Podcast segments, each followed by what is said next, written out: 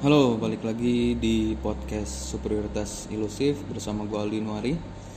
Hari ini gue mau ngobrolin tentang dunia trading, baik itu trading saham maupun trading-trading yang lain. Kebetulan eh, beberapa bulan belakangan ini gue lagi aktif eh, trading sebelumnya gue trading saham mulai di tahun lalu lah ya. Kemudian per Januari kemarin gue kenalan dengan uh, aset digital cryptocurrency dan akhirnya gue apa namanya mulai trading di bulan Januari lalu. Kemudian gue juga baru kenal dengan apa yang disebut leverage trading jadi modal kita itu bisa dikalikan sampai 100% tapi semakin besar uh, leverage-nya semakin besar uh, apa namanya resiko yang ada begitu. Nah gue juga belum apa namanya belum mahir dalam trading dalam dunia trading begitu uh, apa namanya bahkan masih banyak lossnya. Uh, tapi dari sekian banyak loss yang terjadi gue lumayan cukup belajar untuk mengetahui uh, eh, seluk beluk dunia trading. Begitu ada yang disebut technical analysis dan itu yang gue pelajarin. Baik itu belajar sendiri browsing dan sebagainya.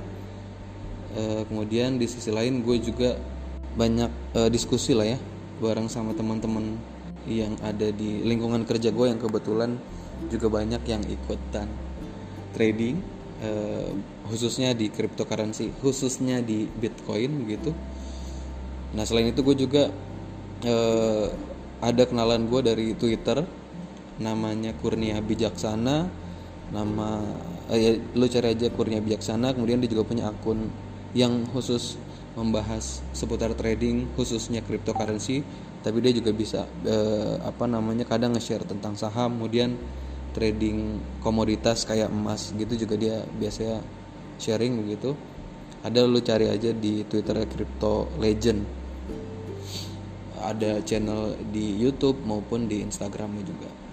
Noh Aksa gue promosiin di podcast gue nih gue kenal di Twitter dulu DM kemudian apa namanya kontak-kontakan. Dulu gue sebenarnya follow dia ngikutin threadnya dia tentang LPDP sebenarnya. Cuman ke sini sini gue kenal dunia trading kemudian dia juga sempat sharing mengenai Bitcoin dan ya udah akhirnya gue coba DM kemudian ya udah uh, akhirnya komunikasi di WhatsApp di apa namanya Telegram dan sebagainya. Di dia juga punya channel di Telegram kok crypto The Crypto Legend Indonesia kalau nggak salah. Itu bagi kalian yang uh, trading khususnya uh, Bitcoin, Ethereum, XRP dan sebagainya bisa ikutin channelnya gitu. Karena dia cukup rutin untuk nge-share ilmu-ilmunya pengetahuan-pengetahuannya di bidang eh di bidang lagi. Oke uh, sering nge-share lah baik sinyal analisa dan sebagainya di di Twitter di Telegram di YouTube juga sama bahkan dia juga lagi nyusun buku yang mungkin sebentar lagi akan rilis lah ya. Sebelumnya gue juga sempet eh apa namanya mulai komunikasi sama dia juga dari Twitter. Dia apa namanya nge-tweet ada yang trading uh, Bitcoin atau kripto di sini ada yang mau kerja sama begitu. Nah akhirnya gue ngerespon tapi sebenarnya itu bentuk kesotawan gue aja. Gue mau bantu apa? Orang gue juga belum ngerti banyak gitu kan. Pere ya udah kenal dan orangnya asik dan gue malah belajar banyak sih dari dia gitu. Nah balik lagi ke apa yang tadi gue bilang di awal. Gue coba pengen nge-share uh, apa namanya dari sekian banyak loss yang terjadi di trading gue begitu. Nah ini mungkin udah gue coba uh, apa namanya list begitu kira-kira kesalahan-kesalahan apa yang biasa dilakukan trader yang uh, menyebabkan kerugian besar bahkan bisa terliquidated gitu. Kalau misalkan uh, kalian di leverage atau margin trading. Pertama nih itu nggak tahu ilmu sama sekali alias cuman uh, apa namanya cuman dengar cerita sukses dari orang lain yang berhasil untung besar di trading uh, apa namanya dan ini kadang orang ini suka ngacoin sih ibaratnya dia nanya-nanya oh nih buka open atau long nih di berapa range-nya dan sebagainya. Ini sebenarnya kadang suka bikin gue kesel karena apa namanya yang ngacoin trading plan gue juga gitu. Karena orang-orang kayak gini nih eh, biasanya ketika misalkan untung eh, apa namanya ya udah nge-share nge-share gitu kan di di grup atau di mana gitu. Karena gue juga ada gue bikin grup juga memang untuk ya sharing-sharing lah mengenai dunia trading khususnya kripto dan saham sebenarnya jadi ketika misalkan gue kasih range yang ini ini apa dari sekian sampai sekian posisinya long di sekian short di sekian ketika untung mereka oh ya udah seneng thank you apa segala macam. Tapi ketika ya namanya juga analisa kan bisa benar bisa salah. Ketika salah kan makanya tetap ada uh, apa namanya manajemen resiko yang ada di situ begitu. Uh, ketika salah begitu analisa gue aduh gimana nih suhu? Malah turun gitu. Anjing ya gue juga sama turun gitu. Ya tapi ya itu kadang-kadang suka bikin kesel aja sih orang-orang yang kayak gitu. Tapi yang uh, permasalahan yang pertama itu ya solusinya adalah ya belajar dulu ilmunya. Lu mau trading atau investing apa pun begitu pelajarin dulu produk investasinya atau produk tradingnya itu apa. Kemudian lo harus paham karakteristik si apa namanya asetnya itu seperti apa. Karena untuk di dunia trading banyak karakteristik karakteristik yang unik begitu. Walaupun secara umum secara teknikalnya sama lah ya. Kalau yang kalian belajar uh, technical analysis hampir sama. Tapi ada uh, apa karakteristik karakteristik khusus lah di berbagai uh, produk atau aset begitu. Kayak misalkan gue dulu ketika uh, trading atau ya trading saham lah ya khususnya ya udah based on technical analysis aja kemudian ya baik itu pakai ya moving average kemudian pakai Fibonacci pakai trend line dan sebagainya ya udah itu udah cukup gitu. Mungkin uh, kita bisa meminimalisir resikonya dengan invest atau trading di saham-saham yang jelas saja saham blue chip gitu. Karena kalau saham-saham bahasanya saham-saham gorengan itu volatilitasnya gila-gilaan tuh. Bisa naik berapa puluh persen dalam berapa hari kemudian turun berapa ratus persen dalam berapa hari. Jadi volatilitasnya tuh tinggi banget gitu. Jadi nggak jarang orang untung besar di trading saham yang gorengan itu kemudian eh, nggak e, jarang juga orang e, apa namanya rugi besar di situ. Nah itu e, apa resikonya gede kan kalau main atau trading saham di saham gorengan atau third liner e, stock gitu. Saham lapis tiga lah bahasanya. Tapi semenjak gue kenal bitcoin kemudian uh, leverage trading itu lebih gila lagi sih. Resikonya yang ada volatilitasnya yang ada tuh jauh lebih gila gitu. Jadi akhirnya udah gue memutuskan untuk saham. Gue udah uh, apa namanya udah screening gitu untuk di tahun ini. Andaikan nggak ada krisis yang terjadi karena corona ini uh, based on technical analysis maupun fundamental analysis gue udah pilih.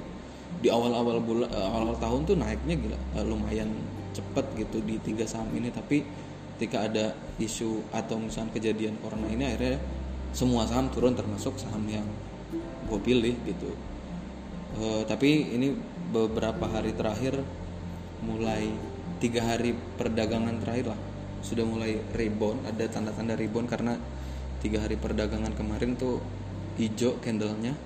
Hari ini kemungkinan akan merah karena secara teknikal dia nyent IHSG-nya itu nyentuh di Fibonacci 23,6% jadi koreksi wajar lah selama IHSG tidak lebih bawah dari 4700 berapa tadi? 704 lah ya.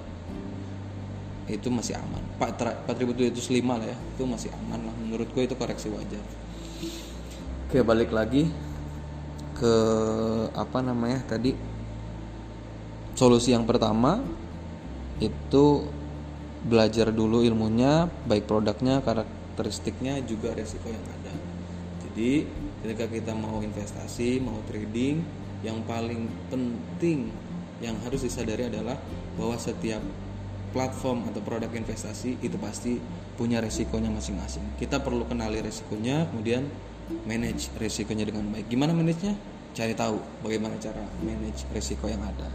Kemudian yang kedua adalah ini yang yang menyebabkan trading rugi ya. Asal masuk tanpa analisa alias FOMO atau fear of missing out. Jadi uh, kita buka tab trading kita belum buka posisi kemudian ngelihat wah uh, harga turun terus nih. Ini kita ngomongin bitcoin ya. Harga turun terus. Ah ya udah short uh, bagi kalian belum tahu kalau short itu ada dua pokoknya kalau di leverage atau margin trading itu ada dua uh, arah jadi kita masih bisa tetap untung ketika misalkan harga mau naik maupun harga mau turun. Jadi kita pasang long atau buy dengan harapan harga akan bergerak naik. Tapi kita juga bisa untung dengan pasang short atau sell dengan harapan harga akan terus turun. Jadi gitu. Nah, yang kedua ini eh, kita asal masuk tanpa analisa alias FOMO tadi, fear of missing out. Jadi ketika misalkan kita buka tab trading, wah harga naik terus nih misalkan. Ayo dah pasang long. Akhirnya baru naik sedikit tiba-tiba turun jauh. Panik panik panik cut loss. Habis di cut loss habis itu ternyata harga naik. Itulah sering terjadi di trading kalau misalkan kita nggak melakukan analisa sebelumnya kemudian fear of missing out tadi atau FOMO. Solusinya eh jangan FOMO. Itu aja. Karena pokoknya jangan nafsu lah kalau trading tuh. Ini juga gue ngingetin sama diri gue sendiri sih sebenarnya. Terus yang ketiga nggak buat trading plan. Ya masih berkaitan sama yang kedua tadi. Ya solusinya adalah buat trading plan. Gimana caranya buat trading plan pelajarin ilmunya. Gimana sih cara buat trading plan yang benar? Pakai indikator apa sih? Pakai tools apa sih? Ya itu perlu dicari tahu perlu dipelajari dan e, eh, gue nggak akan ngebahas itu di sini karena eh, nggak e, ada visualnya dan yang denger juga pasti akan bingung gitu. Itu pertama. Itu kedua ya gue juga belum belum banyak lah ilmunya tentang e, apa namanya ilmu-ilmu kayak gini gue nge-share secara umum aja. Based on pengalaman gue kemudian yang ketiga eh keempat adalah nggak disiplin terhadap trading plan yang udah dibuat. Jadi lo udah belajar nih ilmunya. E, bagaimana cara membuat trading plan yang benar kemudian e, pas buka tab trading itu tadi penyakit yang nomor dua tuh yang FOMO muncul. Akhirnya ya udah lo masuk tanpa trading plan yang sebenarnya lo udah buat sebelumnya. Gitu. Ya solusinya disiplin. Lu ngapain capek-capek bikin trading plan tapi trading plan lu nggak dipakai? Nafsu gara-gara oh misalkan trading plan lu berdasarkan analisa lu harga akan e, menyentuh 7200 misalkan. Ya tapi ini harga masih di 7290 karena ah lu yakin bahwa harga akan naik? Begitu akhirnya lu pasang di 7290 eh padahal habis lu pasang harga turun ke 7200 gitu. Ya intinya lu udah buat trading plan disiplin aja sama trading plan yang udah lu buat. Kalau misalkan pun e, posisi lu nggak ke trigger ya nggak apa-apa. Lebih baik ketinggalan kereta dibanding lu masuk e, harga lu trigger tapi ternyata harga berbalik arah dari yang uh, lo prediksikan. Gitu kan? Kemudian yang kelima eh, eh tadi yang keempat nggak disiplin ya solusinya adalah disiplin. Lo udah buat trading plan ikutin trading plan yang lo udah buat. Ketika salah evaluasi lagi. Apa sih yang salah? Pokoknya kayak gitu. Kemudian yang kelima adalah nggak pakai money management yang benar alias nggak pasang stop loss dan target.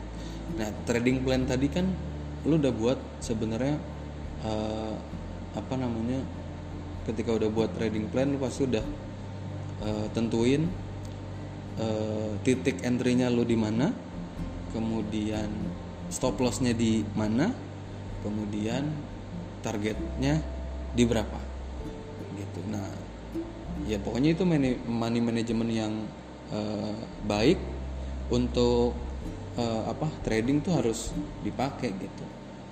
Bagaimana skema money money management yang benar? Lu cari tahu aja gimana sih uh, money management yang benar itu?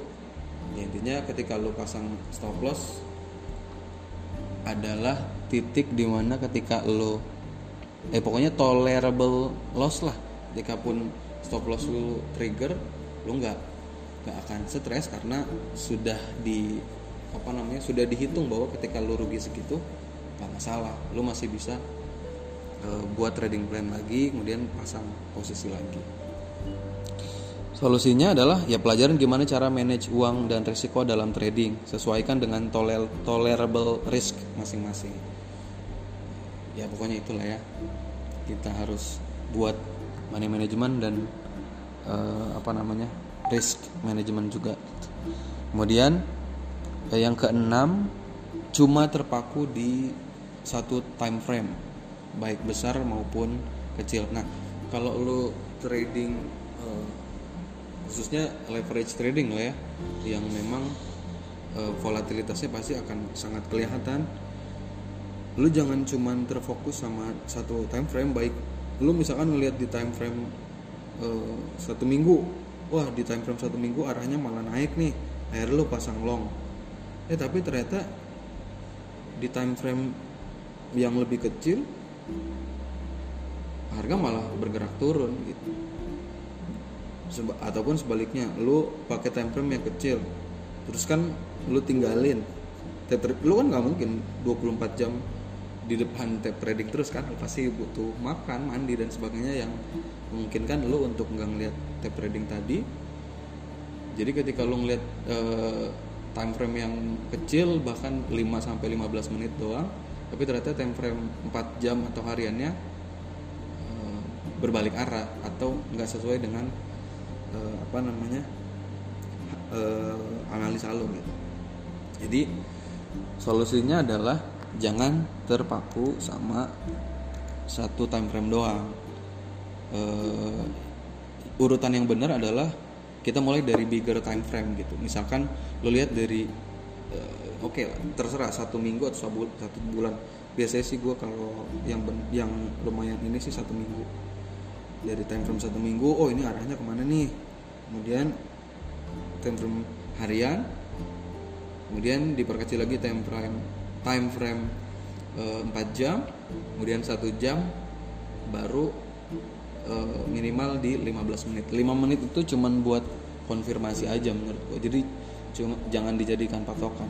Patokan paling kecil eh, apa namanya time frame yang e, lu pakai untuk benar-benar analisa tuh dari mingguan harian 4 jam 1 jam sampai 15 menit.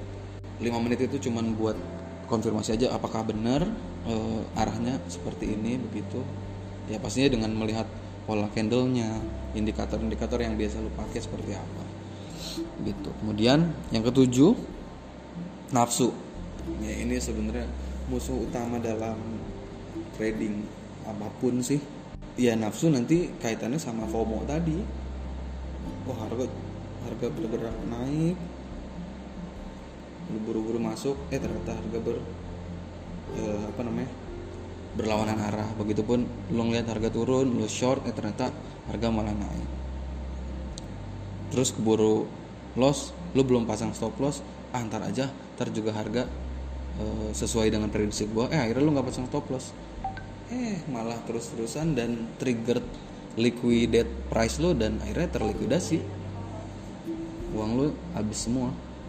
Gitu ya pokoknya itu tadi tujuh kebiasaan atau kesalahan dalam trading bagi sebagian besar trader lah ya.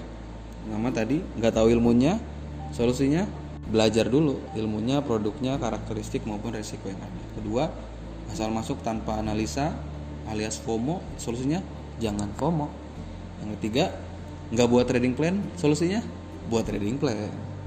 Yang keempat nggak disiplin terhadap trading plan yang udah dibuat solusinya disiplin. Gampang banget kan?